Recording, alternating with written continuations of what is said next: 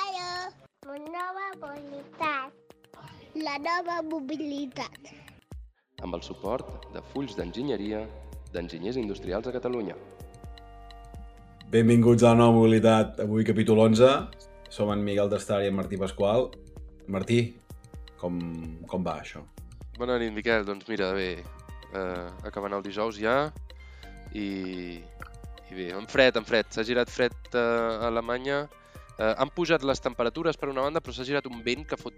Bueno, que, que encara la sensació de fred és pitjor que quan, quan hi havia menys temperatura, però potser menys... Eh, Això, menys això a Múnich, aquí a Stuttgart no. A Stuttgart estem més bé aquesta setmana.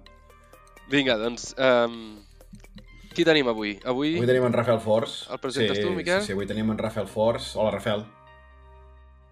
Hola, bones. Uh, de fet, en Rafael està a 9 hores, uh, amb, en, en un fus horari 9 hores abans que nosaltres. Tornem a connectar amb Califòrnia avui. Um, Sí, aquí, aquí és l'hora de dinar i si voleu que us faci dentetes parlo del temps. sí, perquè ara, ara, ara, ara no plou ja, no? Ara ja, ara ja fa sol, no? No, ja no plou, estem, eh, ens queixem quan la temperatura mínima són 2-3 graus i, i després a, a migdia, quan el dia és eh, assolellat, que és la major part dels dies, doncs eh, gairebé arribem als 20. És a dir, Molt malament, passem molt de fred. Ja. Ai, pobres. Uh, Una, una llagrimeta. Sí. sí, sí, perquè jo no fa res que estava allà fa unes setmanes.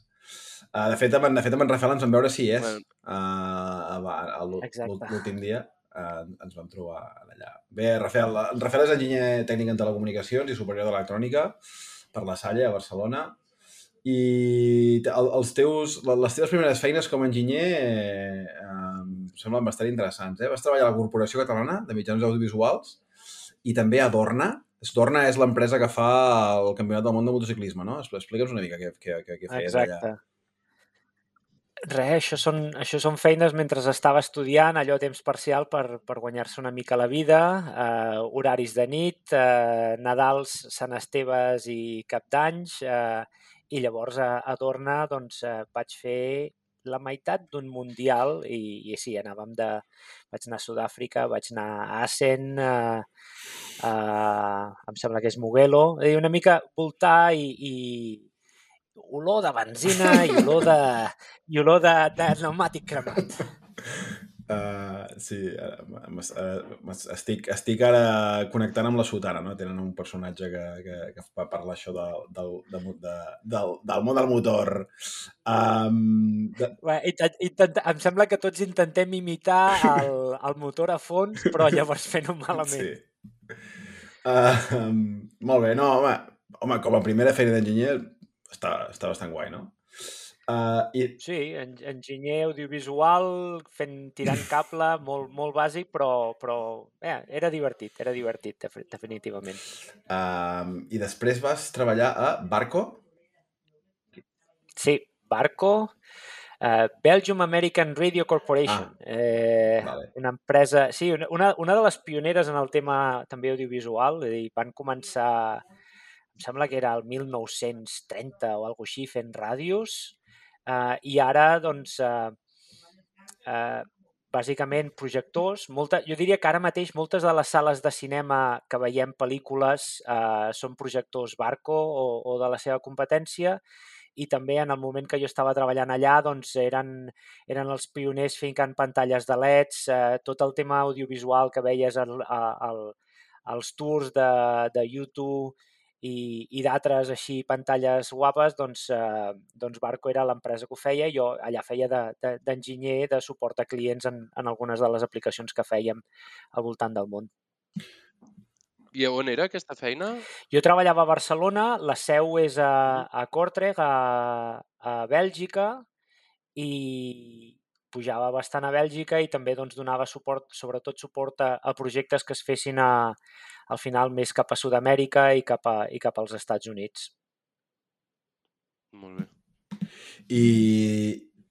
Sí, vas, vas, vas, seguir treballant en el, en el món audiovisual, no? Ignita, Imago...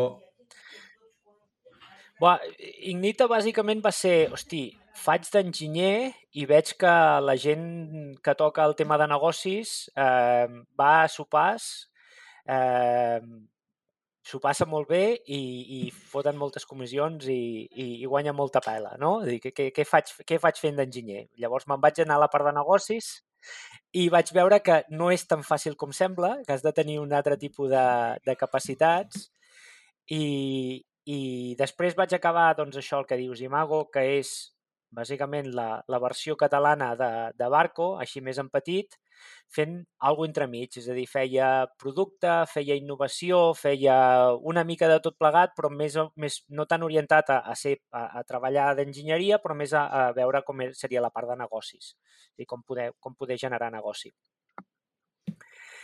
I això, bàsicament, doncs, em va portar a decidir que, que, bueno, que havia d'estudiar, que era un enginyer però que no tenia ni idea de negocis i, i amb el 2009-2010, amb la crisi que venia, para i me'n vaig cap a Suïssa i faig un màster d'administració d'empreses i, i, i fem un reset a la vida.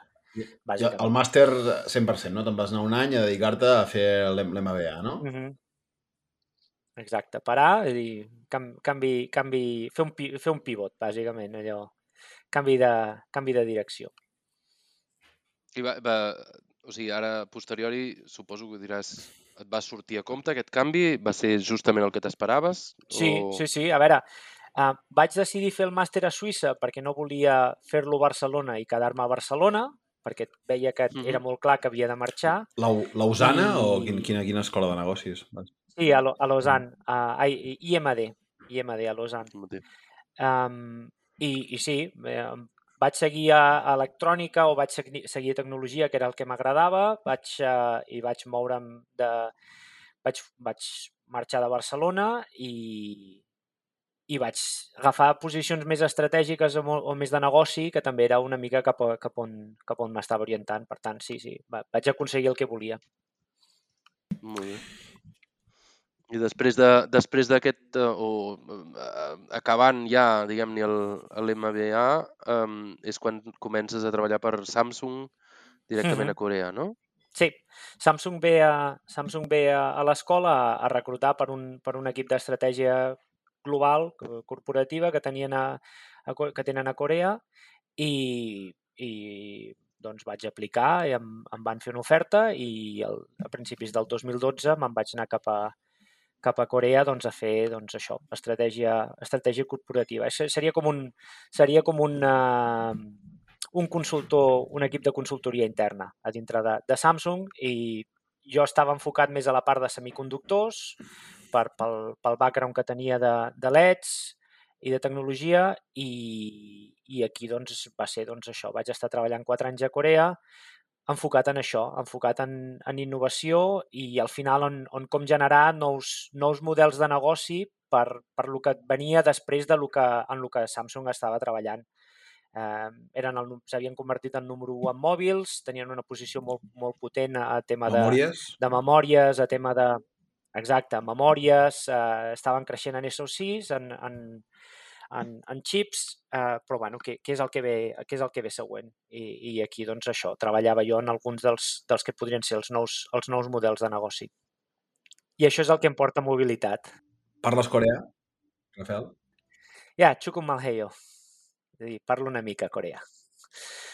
Vale. Tu, tu, tu, tu, Martí, tu, Martí, una mica també o no? Jo sé dir hola i gràcies. Anio haseo i kamsamnira. Em sembla que és tot el que, tot el que sé dir. Exacte.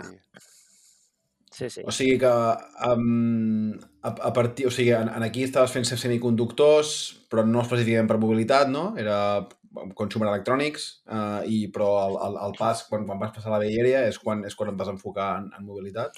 No, a veure, en els, vaig estar des del 2012 al 2016 a, a Corea i en, en, entremig d'aquest procés, com a part de, de, del creixement que estem veient de, nou, de noves àrees, és on, on veiem que a, a la Bay Area estan començant a sortir startups, estan començant a sortir grups que venen, de, venen dels, dels DARPA Challenges, que estan començant a fer cotxes autònoms. Eh, va començar primer Waymo, el, eh, el Waymo, el que seria el Google X en aquell moment i tots startups al voltant I, i, i és, bueno, això té sentit per Samsung, hi ha alguna manera de fer-ho i, i al final acabes veient que hi ha un, hi ha un bon match i, i això porta doncs, a la decisió de crear un equip a, un equip a Silicon Valley i, i em dona la posició a mi, de, la, la possibilitat a mi doncs, de, de liderar l'estratègia d'aquest equip i fer el, i fer el pas de, de Corea als, als Estats Units. I, I així va ser com jo vaig venir el 2016. Sí, bàsicament DARPA és... Ostres, no sé, no sé l'acrònim. Defense Advanced Research Projects Agency.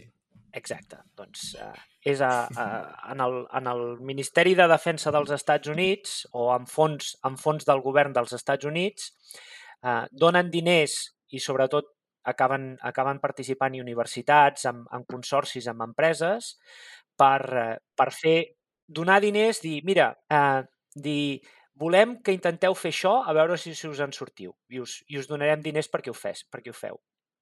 Llavors, eh, el que tu deies, eh, Carnegie Mellon, Stanford, MIT, si no m'equivoco, aquestes tres, com, com a tres majors universitats, van tenir els seus equips i és un equip i a vegades doncs, doncs tenien fabricants de cotxes. Em sembla que en un d'ells participava Volkswagen, eh, si no m'equivoco. Eh, tu poses tot junt i, i bàsicament el DARPA Challenge el primer era intenteu, intenteu fer no sé quants quilòmetres en el mig del desert i, i arribeu del punt A al B. El primer any ningú se'n van sortir. L'any després o al cap de dos anys hi van tornar. Molts d'aquests equips eren els mateixos i en aquest cas ja, ja, ja van haver-hi molts d'ells, o uns quants, que, que van aconseguir la fita o van, van arribar bastant allà. I d'aquests grups van començar llavors a sortir eh, gent que se'n van a Google o, o gent que va començar a fer startups, a, a aplicar això en, un, en el que seria un projecte, un projecte de veritat eh, i, amb, i amb, amb visos doncs, de, de convertir-se doncs, el, que tenim, el que tenim ara. Bàsicament, la gent que tenim a Waymo, la gent que tenim a Emotional, la gent que podem tenir Cruise, Zoox, eh, que van estar Uber, Aurores, etc, tots o, o com a mínim els fundadors o, o els, els caps venen d'aquesta aquest, d'aquesta llavor que es va generar doncs, fa ara ja gairebé 15 sí, anys. I eh, llavors, des de la mm, sucursal, oficina Tech Office de Samsung a Silicon Valley, um, la teva feina era fer scouting d'aquest tipus d'empreses de, i veure si hi havia alguna possibilitat de negoci o de cooperació amb elles, suposo. No? Mm. Exacte. Sí, la idea, primer de tot, és bé, què, què té sentit? De, de tot el que hi ha, què sembla que funcioni, què sembla que no funcioni i quin és el que té el, el, el, millor, el millor encaix amb, amb, amb, amb l'empresa, amb Samsung en aquell moment. Llavors és, eh, moltes vegades el, el, el que les empreses van de dir això ho desenvolupo internament, això faig el partnership amb algú, això inverteixo amb algú o ho compro directament i una mica aquest tipus de decisions i, i, i quines tecnologies decideixes anar cap a una banda i cap a l'altra. I, I després agafar doncs, i començar a executar, és a dir, passar de la part de, plan, de la planificació a la, a la part d'execució. Tot això més o menys és amb el que, en el que vam estar treballant en, durant, durant uns anys. I llavors és quan dius, bueno, um, canviem, no sé si la, la, l'oficina vas dir que va perdre pistonada una miqueta, potser, i, diria Covid, Covid més, més, més altres conjuntures, uh, però bueno, t'has de, de resituar i això, i això de fet passa molt a, a, a la Bellèria, és a dir, uh, els projectes venen i van, passa, passa tot sovint, que veus que, que el que estàs fent no funciona o que t'has de resituar i, i, i bàsicament doncs, has, has de canviar. És, no dona, no dona seguretat a llarg plaç, però jo crec que això a Silicon Valley no és un problema perquè, perquè és un constant de noves, de noves innovacions. Per tant, si, si tens capacitats, eh, acabes trobant molt ràpidament en un altre lloc doncs, que, que puguis fer. I això és el que em va passar. Doncs em vaig, vaig resituar de, de Samsung a, a una startup canadenc que estava treballant amb, amb tecnologia de, de LiDAR o en general eh, software i, i hardware per, per eh, vehicles autònoms o per, direcció, eh, per conducció assistida. I d'aquí, doncs, eh, al cap no fa ni fa menys d'un any eh, vaig, vaig eh, unir-me a Valeo per, per portar l'equip de, de LiDAR, que és un dels sensors principals, eh, per, eh, per cotxes autònoms. I ara mateix, doncs, això, porto gairebé un any aquí eh, fent créixer doncs, totes les operacions i tota la, eh, tota la, la relació amb clients a, a, a tots els Estats Units. Eh, jo, estic a, jo estic a la Bay Area, però, però també faig molta interacció doncs, amb, amb Michigan i, i amb altres llocs de la costa est.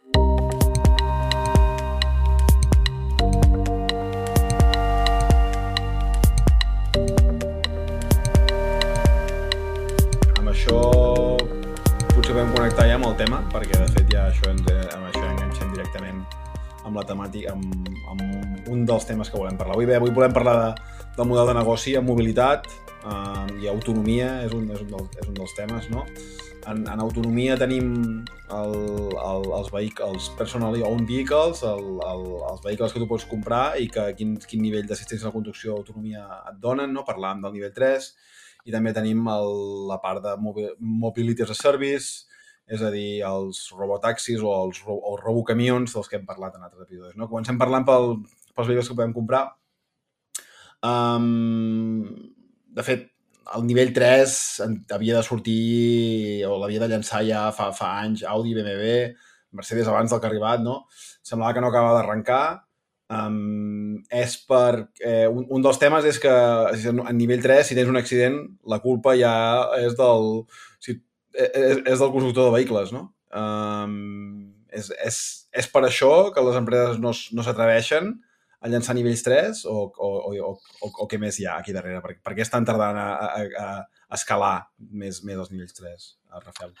Uh, al principi era, era part de, de la tecnologia que potser no estigués uh, a punt i, i part d'això, de, de, de la responsabilitat de, dels els fabricants no voler potser tenir la, de la responsabilitat. Ara dona la sensació que, que la tecnologia ja és prou, prou madura i, i cada cop tens més nivells 3 i, i nivells 4 i, el, i si tu et mires el, el, la taxa de la tasa d'accidents eh, que hi ha és molt baixa. És dir, si tu comences a mirar números d'accidents per milles conduïdes, eh, realment la tecnologia autònoma està demostrant que, que, que, que pot, pot donar solució eh, en aquí. Jo crec que el problema és més, més és en el, en el model, de, model de negoci. Quan, tu, quan estem parlant d'un cotxe de, de nivell 2 o nivell 3, eh, són costos afegits però tu encara tens el conductor. Per tant, ha de tenir sentit el pagar aquest extra, eh, ja sigui a nivell de, de, de seguretat, de fet de que de, de, de redueixi els riscos d'accident o si hi ha un accident que sigui menys sever o que, que tu et faci guanyar temps. I aquest seria, aquest seria el gran avantatge de, del, del nivell 3, és a dir, no, ja no estic conduint perquè ja no tinc l'obligació d'estar pendent de la carretera, el que seria treure els ulls i treure les mans, i per tant puc començar a fer altres coses. Puc estar llegint, puc estar dormint, puc estar mirant una pel·lícula o, o puc estar treballant i per tant doncs, ja no tens que estar tant de temps a l'oficina, per tant pots, pots... E, és temps que guanyen i, i el, temps és, el temps és diners. A dia d'avui, um, els, el que serien els, els ODDs, els Operating Design Domains, és dir, quan tu pots fer que això sigui un nivell 3 o un nivell 4, encara estan creixent. Estem, les empreses estan trobant què és el que té sentit. Per què una persona és, eh, eh, voldrà pagar aquest, aquest extra cost que té de, a nivell de sensors, a nivell de computació, a nivell d'algoritmes, etc. I això jo crec que és ara mateix el, el principal problema per aconseguir que hi hagi el, eh, que hi hagi una, una adopció. Um, hi haurà dues maneres. Una, que els, que els fabricants aconsegueixin demostrar als clients que té sentit, perquè eh, el que dèiem, guanyes temps i per tant això li, li dones un valor. L'altra és que els reguladors diguin que es necessiten certes tecnologies i necessites arribar a un cert nivell de, de conducció autònoma perquè es demostra que hi ha beneficis a, a nivell de, a nivell de vides. Uh, un dels problemes als Estats Units és, des de, des de que tenim mòbils, des de fa 7 o 8 anys, el número de morts està pujant sense parar. És a dir, havia baixat per, per les tecnologies que s'havien posat, airbags, cinturons de seguretat, més, més seguretat en els cotxes, i de cop i volta, a mitjans de, de la dècada anterior, para i comença a pujar i està pujant a un, a un 5-10% per any. I això realment es converteix en un problema per, per les administracions i pensen que és el que has de fer. O ens limiten l'accés a la tecnologia, i en principi està limitat però ho seguim fent, o ens comencen a treure nosaltres, com a humans, de, del volant perquè, perquè ens convertim en un risc. Recapitulem el, les, les maneres per, perquè, perquè escali a nivell 3, no? Regulació, és a dir, avui als Estats Units una càmera al darrere, tots els cotxes que es produeixen han de tenir una càmera al darrere, no? Per tant, pot, podria ser que per regulació eh, es defineixi un, alguns tipus de sensors són obligatoris per aportar alguns tipus de funcions al, al vehicle, no? Aquest seria un, un camí, el que estaves, estaves apuntant, Rafael, no? i l'altre és valor que aportes al client contra el cost del que tu et genera, que, que afegeixes al vehicle per, per, per fer-ho, no? Uh, uh, ho comentàvem a l'anterior episodi, Martí, l'estau pilot, l'assistent de... de, de, de tornem a la mateixa paraula, embotellament. Embús. No, no, sabem, embús. Embús. No sabem com dir-ho això. Assistent no d'embús. Uh, es, està limitat a 60 km per hora no? Això, el valor és molt limitat que et dona això. Que quan, quan has de pagar, quan, quan pagaries tu per una...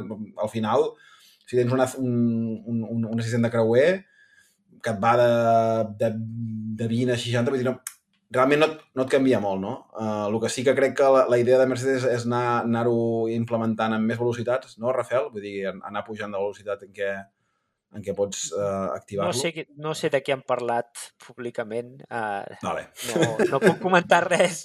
I com ja hem dit, treballem amb, ell, per- amb ells i per tant no, no puc comentar res i no, no estic segur del que han dit públicament. No, L'altre dia, em sembla que ho llegies tu directament, Miquel, que les notícies que deia, bueno, doncs a través de uh, software updates over the air i coses d'aquestes, d'anar augmentant de mica en mica a mesura que tinguin més validació, tinguin més seguretat amb el sistema i tal, que potser podrien augmentar del 60, 80, 90... Em sembla que el sistema havies llegit que podia... Uh, era ampliable fins a 100 o 120 amb, quilòmetres per hora. sí, amb el, amb el maquinari, amb el maquinari, els sensors i la, i la computació que hi ha, crec que el que deien és que podia anar fins a 100 i amb la següent generació, clar, la idea és que tinguis un sistema que et vagi fins a 130, no? I és el que és el que comentàvem quan preparàvem, no? Que off-RAM...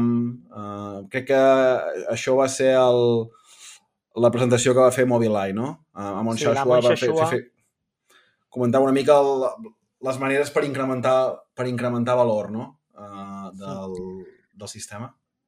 Sí, a veure, al final és què, què, realment aporta un canvi. Eh, posem el cas, és a dir, jo sóc de Cardedeu, imagina't que arribo a l'entrada de Cardedeu eh, de l'autopista i quan just surto de la carretera normal dic, ara tu tens el control.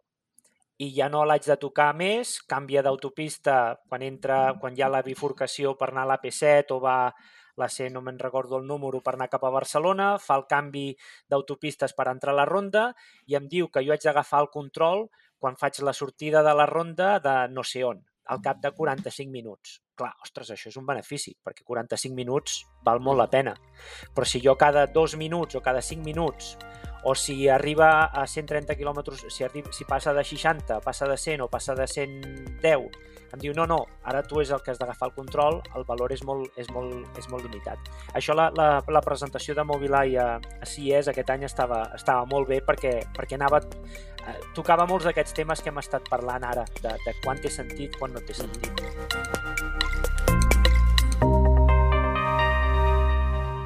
parlàvem de, dels, dels, cotxes, dels cotxes que pots comprar són autònoms i també tenim les, les flotes, les flotes de, de, vehicles, de vehicles i camions autònoms. No? Això també semblava que havia de- d'escalar a centenars de milers de vehicles i també està, està costant una mica més. Què és el que està frenant que, que no veiem els, els robotaxis? bueno, a San Francisco en veiem molts, però a altres llocs no, no tants. Mm -hmm. I, i tornem a una mica a lo mateix d'abans, és a dir, el model de negoci, com, com empreses privades aconseguiran fer diners eh, eh, en això. Aquí eh, s'està traient el conductor de, com- completament, eh, però estàs posant molta més tecnologia. Per tant, els costos, eh, els costos van en contra del que seria el, el, el conductor. És, és, és un sistema més semblant a lo de a, a, al transport públic o, o, a un, o un servei de taxi. I aquí l'únic que estàs dient és en quin punt el cost per milla o el cost, el cost per quilòmetre és prou atractiu que fa que tu ja no et compris un cotxe i que vagis amb servei amb aquest servei compartit de, de mobilitat compartida i quan té sentit que és per tu sol o és per un grup de gent o, o ho fas amb un, amb, amb un vehicle gran com, no sé, com digue-li com sigui un autobús. Uh, hi ha una part també de, de, de normativa, és a dir, ara mateix uh, els cotxes han de tenir un, han de tenir un volant, perquè han de tenir un conductor. Si, si tu ja dius estic, estic traient el, el conductor completament, doncs eh, ja és un cotxe que queda fora de la normativa i, per tant, eh, per tant els, els estats han de regular això com ho fan. Ara mateix uh, no, no, pots, no, pots fabricar, no pots fabricar cotxes específics sense, sense volants, són adaptacions, això vol dir que tampoc no tingui, no tingui uh, tot el sentit que cal doncs, a nivell, de, a nivell de, de rang, a nivell de funcionalitats, a nivell de posició de sensors.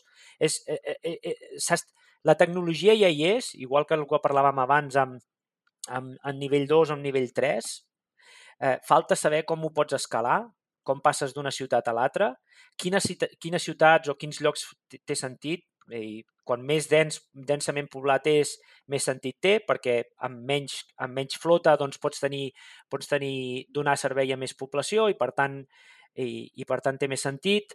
Um, els, els, uh, els ODDs, el, el, les, funció, el, les àrees de funció també són més conegudes i per tant és més fàcil definir-ho. Um, tot, totes aquestes coses és el que està passant ara mateix. Uh, però jo crec que és principalment el, el model de negoci. És a dir, com, com m'asseguro que jo convenço a una persona de que no, no, té que, no té que comprar un cotxe, sinó que pot fer servir aquest tipus de, aquest tipus de servei. O que una família que abans doncs, tenia dos cotxes, un per cada, per cada per pare la mare o per, saps? o per la, la, la gent amb edat de, de conduir, diuen no, mira, jo només tindré un cotxe eh, que és el que volem que sigui el cotxe de la família, que serà doncs, la base de mobilitat, i la resta doncs, la fem servir doncs, amb, aquests, amb aquests, eh, aquests pics depenent de la necessitat. Mm -hmm. Ara deies el, el model de negoci, aviam, el, el, el, mm, els robotaxis al cap i a la fi són l'evolució del cotxe compartit, del car sharing, eh, de la mobilitat individual al cap i a la fi, perquè és també doncs, per anar d'un punt A a un punt B sense haver d'agafar només els, diguem-ne, el, el, els transports públics que tenen el, normalment doncs, un autobús, un metro, unes parades concretes i dius, bueno, doncs potser la combinació és massa complicada, prefereixo agafar un, un cotxe individual però, a més a més, afegint-hi el que deies tu, la tecnologia, és a dir, el, el tema del business case, uh, del, del model de negoci ja era complicat amb els car sharings, ho hem anat veient uh, amb moltes empreses alemanyes, amb el Car2Go de, de Mercedes, amb el ShareNow de, de BMW, que les empreses, les matrius constructores de cotxes han anat dient ui, això potser no és el negoci que vull fer jo, jo el que sé fer són, són cotxes, i ara entra aquest, eh, aquesta tecnologia, a més a més, de dir el cotxe no és només un cotxe que puguis portar tu, sinó que és un cotxe que pot anar sol, un robotaxi que et pot portar, que és la comoditat, un confort, potser al cap i a la fi, o per gent que no té carnet o ah. que vas borratxos, no? Vull dir, en principi. Ah, el, robot, el robotaxi és l'evolució de és l'evolució del servei del transport públic, dels autobusos o dels microautobusos i del taxi. Del taxi en concret. Uh -huh. Bàsicament. És l'evolució d'aquests dos. Tenint en compte que tu abans tu tenies un... Tu, o ara, abans, ara, tu tens un servei, una línia d'autobusos on té parades fixes, perquè, bàsic, perquè abans no hi havia manera de saber on hi havia l'oferta i on hi havia la demanda. Per tant, tu com a persona t'anaves a la parada d'autobús i esperaves. L'evolució és, tu estàs a la parada d'autobús i, i, i tens tecnologia eh, GPS que et diu l'autobús arribarà d'aquí dos minuts. O pots mirar en el mòbil i tu pots fer el traquejat d'on mm -hmm. està. La següent evolució és, no, jo, jo, jo ja no vaig a la parada, jo et dic, jo estaré aquí tu canvia la ruta i, i, i és compartit, però tu més o menys t'adaptes a la demanda i tu pots, canvi, tu, tu pots tenir flexibilitat en rutes. Si tu te'n vas a aquest extrem total, doncs és el tema dels, és el tema dels taxis, uh -huh. que, que no importa on te, sigui on vagis, o tu els truques, o tu els demanes, o t'esperes al carrer i els pares, doncs ara mateix amb, la, amb les tecnologies mòbil, eh, mòbils doncs, eh, podràs, el que ara mateix estàs fent amb Ubers i Lyfts, fer-ho exactament, però en lloc de tenir una persona com a conductor, tindràs un robot que a la llarga els, els costos haurien de ser més, haurien de ser més baixos. Mm -hmm. I llavors, um, o sigui, aquí eh, torno a l'apartat eh, model de negoci, també ens explicaves eh, en la preparació que hi haurà potser una lluita aferrissada entre el que és el constructor del cotxe, el supplier, el, el, el distribuïdor o el, el Subministrador. subministrador de tecnologia, Valeo, per dir un exemple, Mhm. i per l'altra banda um, el, els que vindrien per sobre, que és l'operador, no? Mm. Clar, ara mateix, en el model tradicional, tu tens subministradors de tecnologia, els tier 2, tier 1s, etc. Tens l'ensamblador, que és el fabricant de cotxes, i aquest, i aquest fabricant de cotxes el que fa és li ven a un usuari com, com, com qualsevol de nosaltres. Ara mateix estem, estem afegint la capa de servei a sobre, que és realment la que controla o la que té la connexió con, amb el, el, amb el- amb l'usuari final. De manera, de manera que el, que el, el, el fabricant en si mm, deixa de tenir importància o comença a tenir una importància relativa. Uh, tu, si tu demanes un cotxe doncs, amb, amb un taxi o amb, amb, amb un Uber o amb un Lyft, um, tu pots demanar les classes, si vols. Vull tenir un més... Però no, no vas a demanar un cotxe en concret. En canvi, quan tu compres un cotxe, sí, sí que t'importa. Comença, el que comença ara a ser important és quines funcionalitats et donen.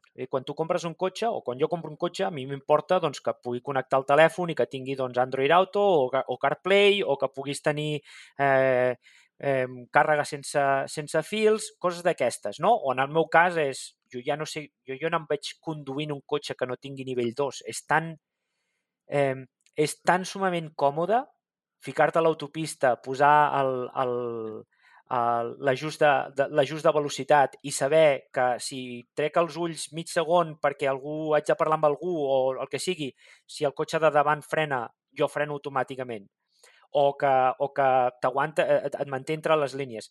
Jo això ho trobo tan còmode que jo ja, en el meu cas, jo no, jo no em veig tornant, tornant enrere. Doncs totes aquestes coses amb, amb, amb la tecnologia van passant.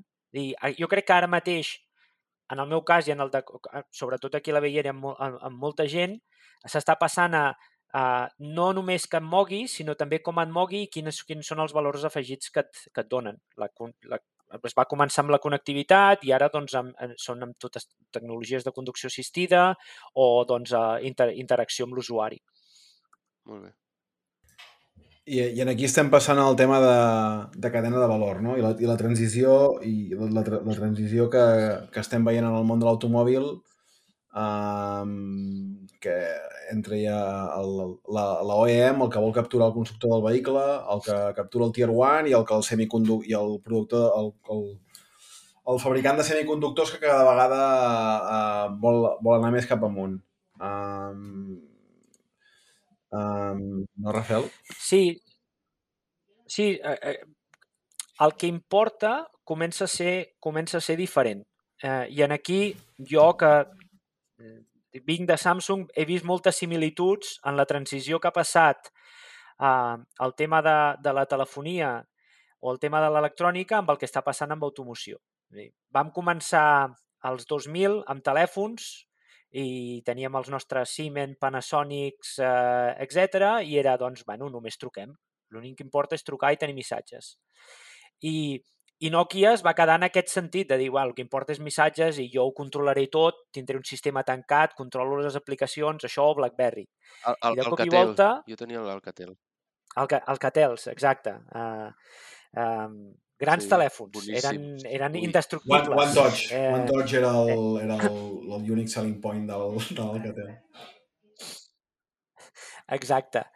I, i, I de cop i volta doncs, eh, apareix Apple i diu no, no, senyors, eh, aquí és llibertat en les aplicacions. Tu tens un, un, un, un hardware, un software, tu tens una, una bona càmera, però, però parlem del sistema operatiu, parlem de les, opera de, de, de les aplicacions. Com et, com, et pots customitzar el, el, el, el telèfon i de cop i volta ja no, lo important ja no és trucar i, i parlar, eh, sinó és tot el que fas al voltant.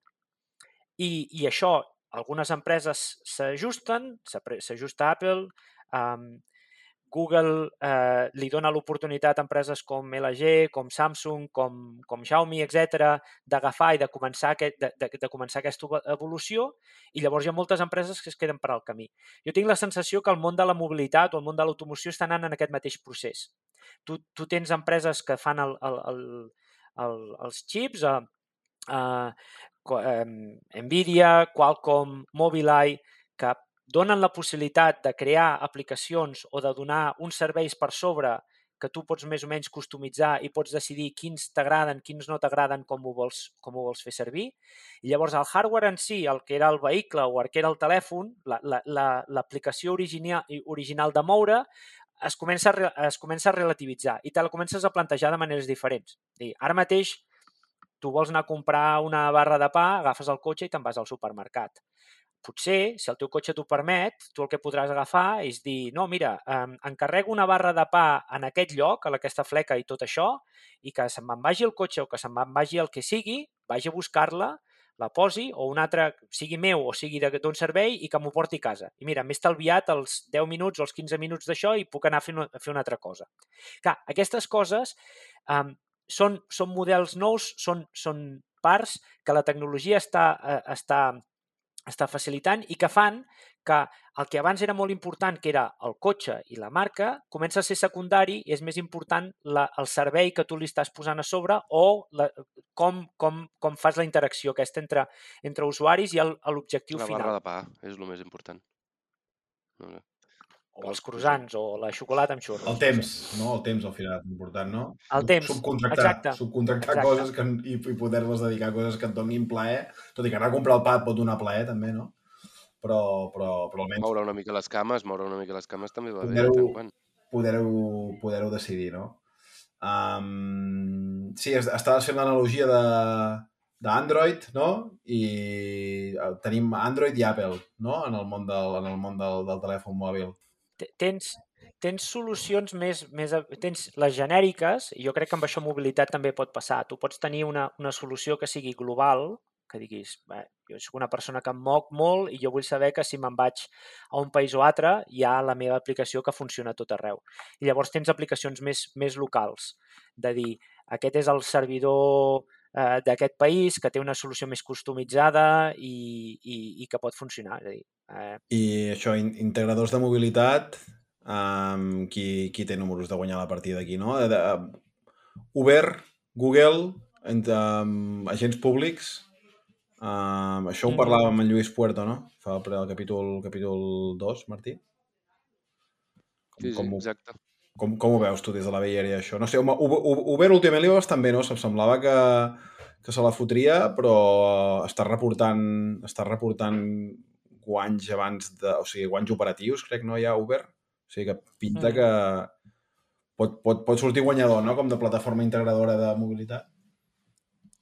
Um, Uber funciona bé als Estats Units perquè és un sistema és un mercat molt que potencia el, el servei privat o, diguéssim, la, les, les funcionalitats privades. Um, no, no sé si funciona també a Europa. A Europa és més complicat i també depèn molt de país en país.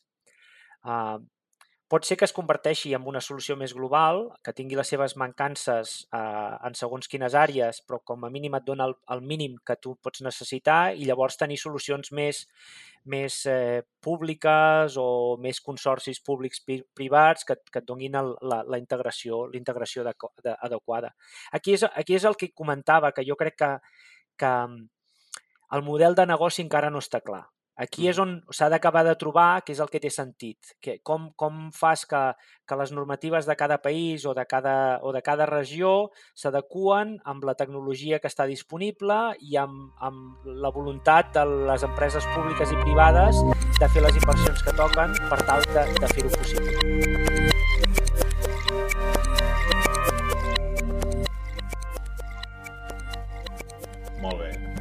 Això, de fet, ja hem, hem començat el qüestionari ja, um, i una cosa que no hem comentat del teu currículum és que ets assessor d'acció. D'acció... Acció és una iniciativa de la Generalitat de Catalunya per a fomentar les, inversió, les inversions estrangeres a Catalunya i ajudar Mm. també a la vegada les empreses eh, catalanes a exportar a l'estranger o fomentar a la vegada també cooperacions. I tu exacte. i, i ets assessor eh, per temes de mobilitat i també d'emprenedoria, no? Sí, va, a veure, des, estan aquí, a, estan aquí a, a Silicon Valley, a la costa oest, doncs eh, dones, són les dues àrees i, i per, en el que estic treballant doncs són les dues àrees en les que puc eh, aportar el meu, el meu granet de sorra, donar, donar idees de, de què funcionen aquí, de com, de, de quins són els models d'èxit o, o quines són les noves tendències que estan venint i, i això, doncs, com podem ajudar doncs, a, a, a dinamitzar la, la, indústria del, la indústria del país. I, I com ho podem fer? Uh, pots, pots donar-nos quatre, quatre pinzellades. Uh, parlàvem de transformació de llocs de treball, no? Uh, va tancar la fàbrica de Mm. Nissan, no sabem ara què, què hi faran en allà, en, en allà al final. Uh, tenim... Barcelona és un hub uh, d'enginyeria de, de, de software uh, en, en, en, en molts camps. Uh, que, Mm -hmm. En què podem ser bons en mobilitat a Catalunya? Um, a veure, jo crec que Catalunya entén de, entén de, de, de mobilitat i entén d'automoció, és a dir, hi ha, hi ha molta experiència. Um, com això es, uh, com això doncs uh, s'adapta. Hi ha la part de la eh, electrificació, la part de la, la part de electrònica, hi ha el canvi de hardware, hardware a software, hi ha el canvi d'asset, de, de, de, de, de dispositiu a, a servei. Um, jo crec que és part de, de tenir el coratge de, de dir no siguem una societat de serveis, siguem una societat de valor afegit i, i pensem que, que som bons, perquè aquí conec molta gent que som enginyers, que som gent que hem sortit d'escoles de, de, de negoci, d'escoles de, de tècniques i que estem fent carrera arreu del món. Per tant, això també ho podríem fer, no, no hauríem d'estar a 10.000 quilòmetres de casa, sinó que podríem estar allà mateix, eh, intentant implementar i, i tenint la capacitat d'implementar, que a vegades sembla que, no, que, és, que és difícil poder, poder, fer aquest, poder fer aquest pas final. Um, I l'altra pregunta que, que fem als nostres convidats és sobre la carrera professional, no? Tu vas començar en el món tècnic, més al, més al detall tècnic, uh -huh. vas, vas, vas decidir... Bueno, va, va, comentaves abans, no?, que a la part de negocis feia molt sopars i vas pensar, ostres, doncs potser em passo més a la part de negoci i vas fer l'MBA, has estat a Corea, has estat a la Area, del teu, eh, quin, quin, quin consell, amb, amb el teu camí, per, per on has anat i, i, el, i, el, i, el cas, i, el, i el que has anat aprenent pel camí, quin, quin consell donaries a algú que estigués ara a mitja carrera, acabar la carrera, de, decidint què, què vol fer en la seva carrera professional? Jo, jo crec que, que nosaltres tres som un exemple, que ens hem mouta. I, eh, les coses et poden venir a tu, però moltes, la major part de les vegades ets tu que has d'anar a buscar les coses, les oportunitats i, i que està molt bé intentar-ho i que a vegades et surten les coses millor, a vegades et surten les coses no tan bé, però que en general eh, sempre se'n treu alguna bo i, i, i, es pot, i es pot millorar. Uh, Rafael, uh, moltes gràcies per venir-te a parlar amb nosaltres. Um, crec que hem enfocat, hem enfocat quelcom que fins ara no, no havíem fet i tu ens has donat una, una, una visió fresca i interessant. Um, així que agra agraïts.